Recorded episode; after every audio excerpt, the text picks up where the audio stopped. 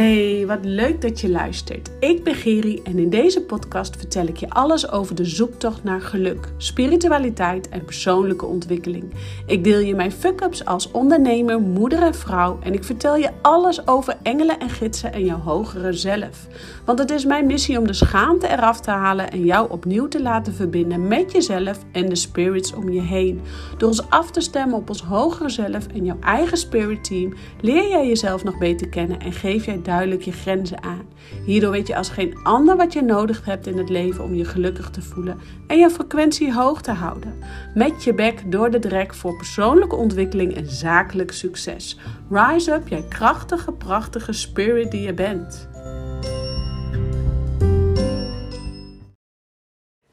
Ja, wat super goed dat jij luistert en welkom dat je er weer bent. En het is even geleden dat ik mijn laatste podcast heb opgenomen. En nou, ik moet zeggen, niet dat ik die heb opgenomen, want ik heb van de week een super mooie podcast gemaakt met uh, Kim Munnekom. Daar ben ik echt ontzettend dankbaar voor, voor zo'n gave podcast samen met iemand op te nemen die eigenlijk een voorbeeld voor mij is. Uh, in het maken van podcasts, in het maken van ondernemingen, onder, in, het, in het ondernemerschap. En uh, maar goed, die moet nog even wat meer geëdit worden, om het zo maar even te zeggen. Dus uh, daar moet je nog even op wachten. Die komt deze week later online. En, en nu dus even een podcast van Me, Myself en I. En um, dit keer een podcast over... Um, ja, er werd mij een vraag gesteld. En dan moet ik eigenlijk wel een beetje op lachen. Want het zette mij ook direct aan het denken. Geri, uh, ik zag een story voorbij komen. En dat ging over dromen en dromen waarmaken. En...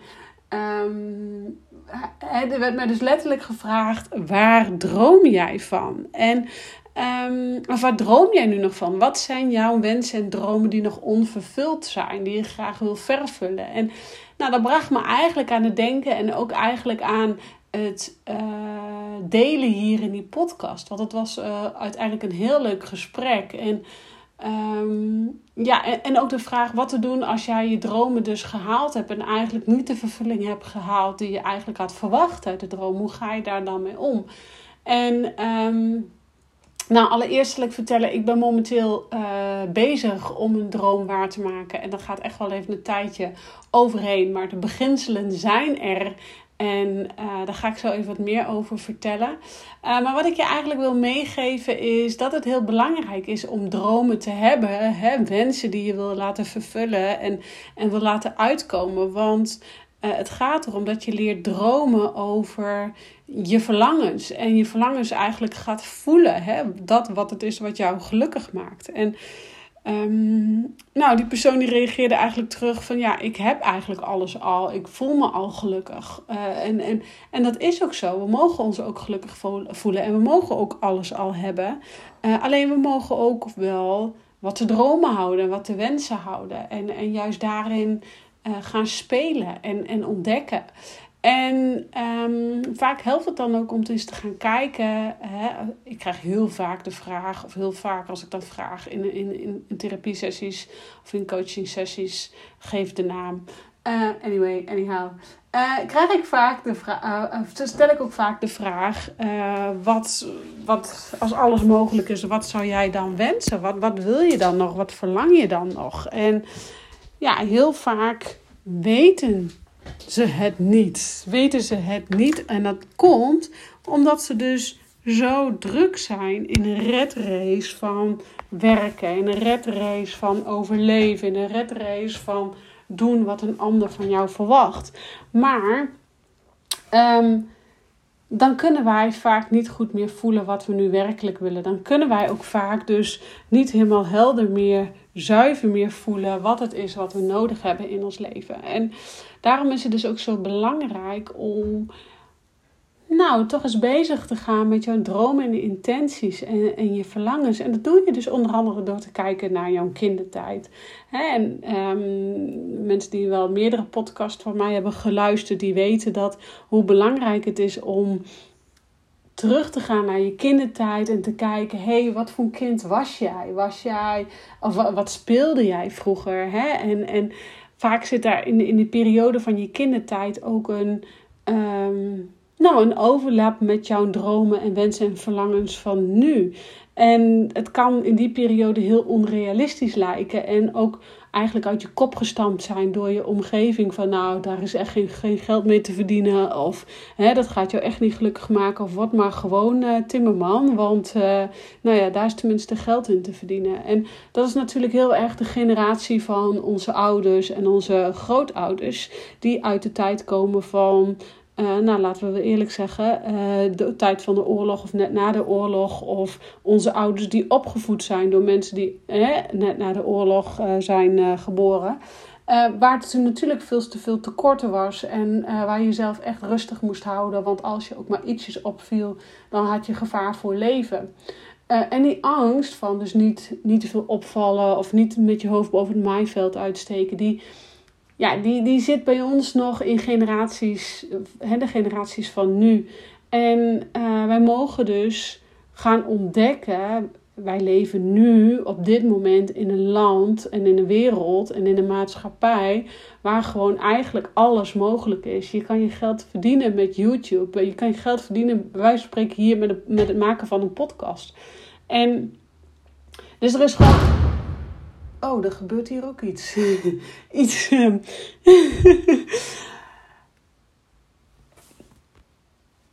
ja, daar was ik weer. Er gebeurde hier iets in, uh, in, de omgeving met een flinke harde klap. En ik schrok er even van. Dus ik ga dat niet editen in mijn podcast. Mijn podcast is echt, what you see is what you get. Nou, je ziet niks. Dus je krijgt niet veel. Nee, zonder gekheid. je krijgt natuurlijk een bak aan waarde. Uh, maar ik moest even kijken wat er aan de hand was natuurlijk. Uh, Oké, we gaan verder. Waar was ik gebleven? Ik was dus in de fase dat, hè, aan het vertellen dat we dus nu in een maatschappij leven dat alles ook mogelijk is. En daarbij wil ik je toch ook weer even een, um, een voorbeeld aanhalen van een van mijn klanten van mij. En uh, die eigenlijk zo druk aan het leven was op een. Uh, op de red race, op de sneltrein en niet kon genieten van het leven, niet kon genieten van haar kinderen. En, en met als gevolg dat zij eigenlijk uh, nou, ze is uiteindelijk bij mij in het traject gestapt. En daar kwamen we eigenlijk achter dat ze niet helemaal happy meer was met het werk wat ze deed. Toen heeft ze een opleiding gevolgd tot kindercoach. Want daar lag toch echt wel haar verlangen al jaren. En nu is ze gewoon echt een succesvolle kindercoachpraktijk. En dat is echt wel, wat ik, heb ik misschien vaker bedoeld in mijn podcast. Maar daar ben ik echt gewoon rete trots op. Op zo'n vrouw die dan nou, de bal in de broek heeft, om zo even plat te zeggen, om, te, om gewoon haar gevoel te volgen. En zo zijn er een aantal klanten meer van mij die op die manier, um, nou, toch hebben besloten: hé, hey, ik ga nu um, kiezen voor mezelf, kiezen voor mijn geluk, kiezen wat mij gelukkig maakt. En dat betekent 9 van de 10 keer een grote verandering op werkgebied, op werkvlak. En nu dat ik deze podcast aan het opnemen ben, zie ik in één keer na die donderste klap een flink wat rook. Dus uh, nou, er zal in ergens toch wel wat uh, heftigs gebeurd zijn.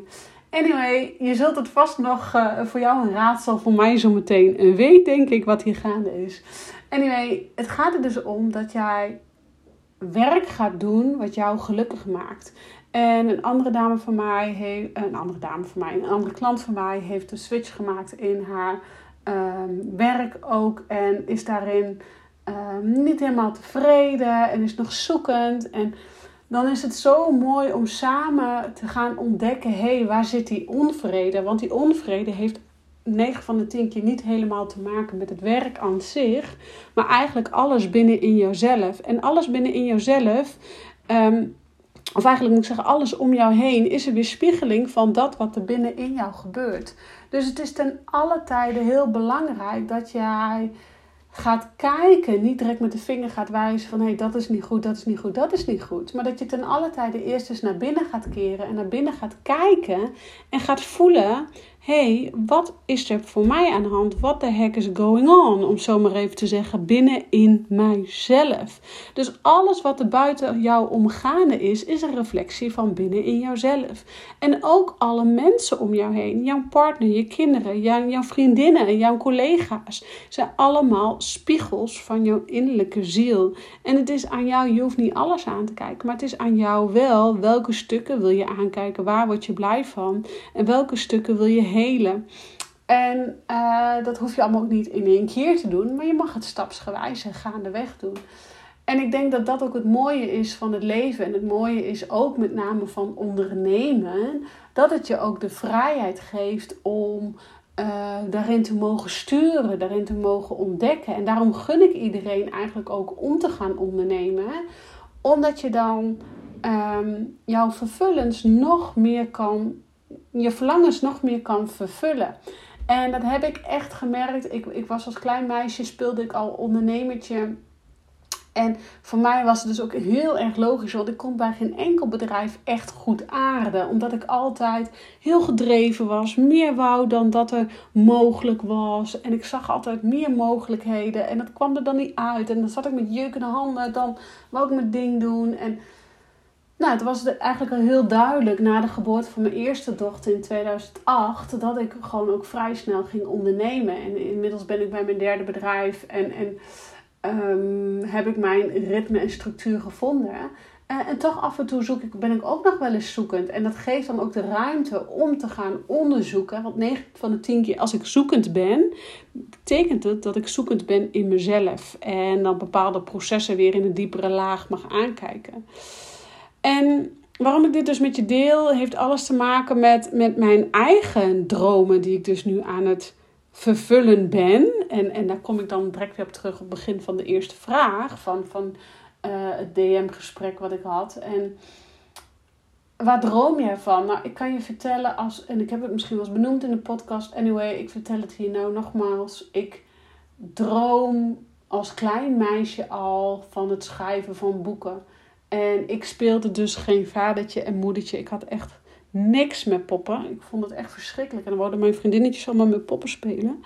Dus ik had helemaal niks met vadertje en moedertje spelen. Maar ik speelde dus schrijvers, schrijvertje en ondernemertje. Ik was aan het ondernemen. Ik zat dan, mijn vader was aan, bureau. Uh, mijn vader was ondernemer en die had dan zo'n bureau thuis. En als hij dan overdag weg was, dan ging ik stiekem op zijn bureau zitten aan, aan, aan het bureau doen alsof ik heel druk was en telefoon opnemen. En dan speelde ik al dat ondernemertje. En, maar ik speelde ook schrijvertje, schrijvertje. En, en ik was dus gewoon altijd bezig met het schrijven van een boek. En ik beelde me ook in dat ik boeken schreef. En het waren verhalen van. Uh, natuurlijk in je tienertijd deed ik dat ook. En dan waren dat natuurlijk liefdesverhalen. Want dat is het liefste waar je op zoek bent in je tiener, in je puberteit. Um, maar het waren ook heftige verhalen. En, en, en uh, ik had als klein meisje ook altijd een dagboek. Ik kan me nog herinneren dat ik niet eens kon schrijven. Maar deed alsof ik aan het schrijven was in mijn dagboek. En ja, ik merk dat... Um, nou, dat, dat, dat dat een droom van mij is die ik heel lang heb weggestopt. Omdat ik uh, nou ja, ook te horen kreeg, ja, van schrijven kan je je brood niet verdienen of je geld niet verdienen. En, en ik ben dyslectisch, dus uh, ga er maar vanuit. Hè? Als klein meisje in groep 3 werd het natuurlijk al de kop ingedrukt van, nou jij kan niet schrijven. Dus ga maar geen schrijvertje worden, zeg maar. En, en dus op hele jonge leeftijd is eigenlijk dat er al uitgeramd. Um, maar gaandeweg de jaren, vooral de laatste paar jaar, eigenlijk echt met name de laatste twee jaar er kwam het iedere keer weer in readingen die ik kreeg, in mensen die ik sprak, in ondernemers die ik sprak. Ze zeiden allemaal, je moet een boek schrijven, je moet een boek schrijven. Klanten zeiden, je moet een boek schrijven. Ja, en nu is het dan zover en heb ik tijd in mijn agenda vrijgemaakt om te gaan schrijven. En ik geloof mij, ik saboteer mezelf daar ook nog wel eens in dat ik toch de agenda weer heb gevuld met van alles en nog wat. Maar um, ik heb een doel, een eindpunt wanneer mijn boek uit gaat komen. En, en ik, ja, ik, ik, ik stap steeds meer in die identiteit van die schrijfster. En, en dat vind ik rete spannend en rete eng, want dat is voor mij ook weer nieuw. En uh, daarom deel ik het ook hier in de, in de podcast, om mij kwetsbaar op te stellen. Maar ook dus om jou te triggeren, om jouw dromen waar te gaan maken. Die jij, nou misschien als klein meisje ook, of klein jongetje ook wel hebt weggestopt. En uh, waar jij gewoon van verlangt. En dat er meer is als alleen werken. En meer is als alleen het zorgen voor je kinderen of het zorgen voor je partner. Maar dat er dus ook ruimte is voor jou als mens om te ontwikkelen. Om um, nou, je eigen ding te creëren, wat het dan ook is. En wees dan ook dankbaar dat we in zo'n maatschappij leven als, als dit, waarin gewoon zoveel meer mogelijkheden zijn dan dat, dat wij uh, toen we klein waren mogelijk was. Hè? En, en in de jaren tachtig dat er gewoon geen ruimte was en dat je inderdaad dus maar beter die timmerman kon zijn of, of, of die receptionist, omdat je dan gegarandeerd van werk was. En nu dus gewoon je geld kunt verdienen met een online training verkopen. Of, of je creativiteit uiten. Of het coachingsvlak. Of, of whatever. Hè? Er is zoveel meer mogelijk. Dus um, ja, uh, en dat, daar wil ik je toch aan uitdagen om uh, hè, als je het gevoel hebt van er knaagt iets in mij, ik zit vast, ik ben zoekend, ik weet niet zo goed hoe. En dat vind ik dan ook zo weer zo leuk aan de spirituele business readingen. Die gaan uh, momenteel echt als een terenlier. En dat is zo leuk, want dan gaan we in een uurtje al zoveel helderheid creëren in dat wat jij te doen hebt. In uh, eh, 9 van de 10 keer, 9 van de 10 readingen krijgen we zo helder welke processen er uh, aangeraakt mogen worden. Die raken we dan ook aan. Waar jij mee aan de slag mag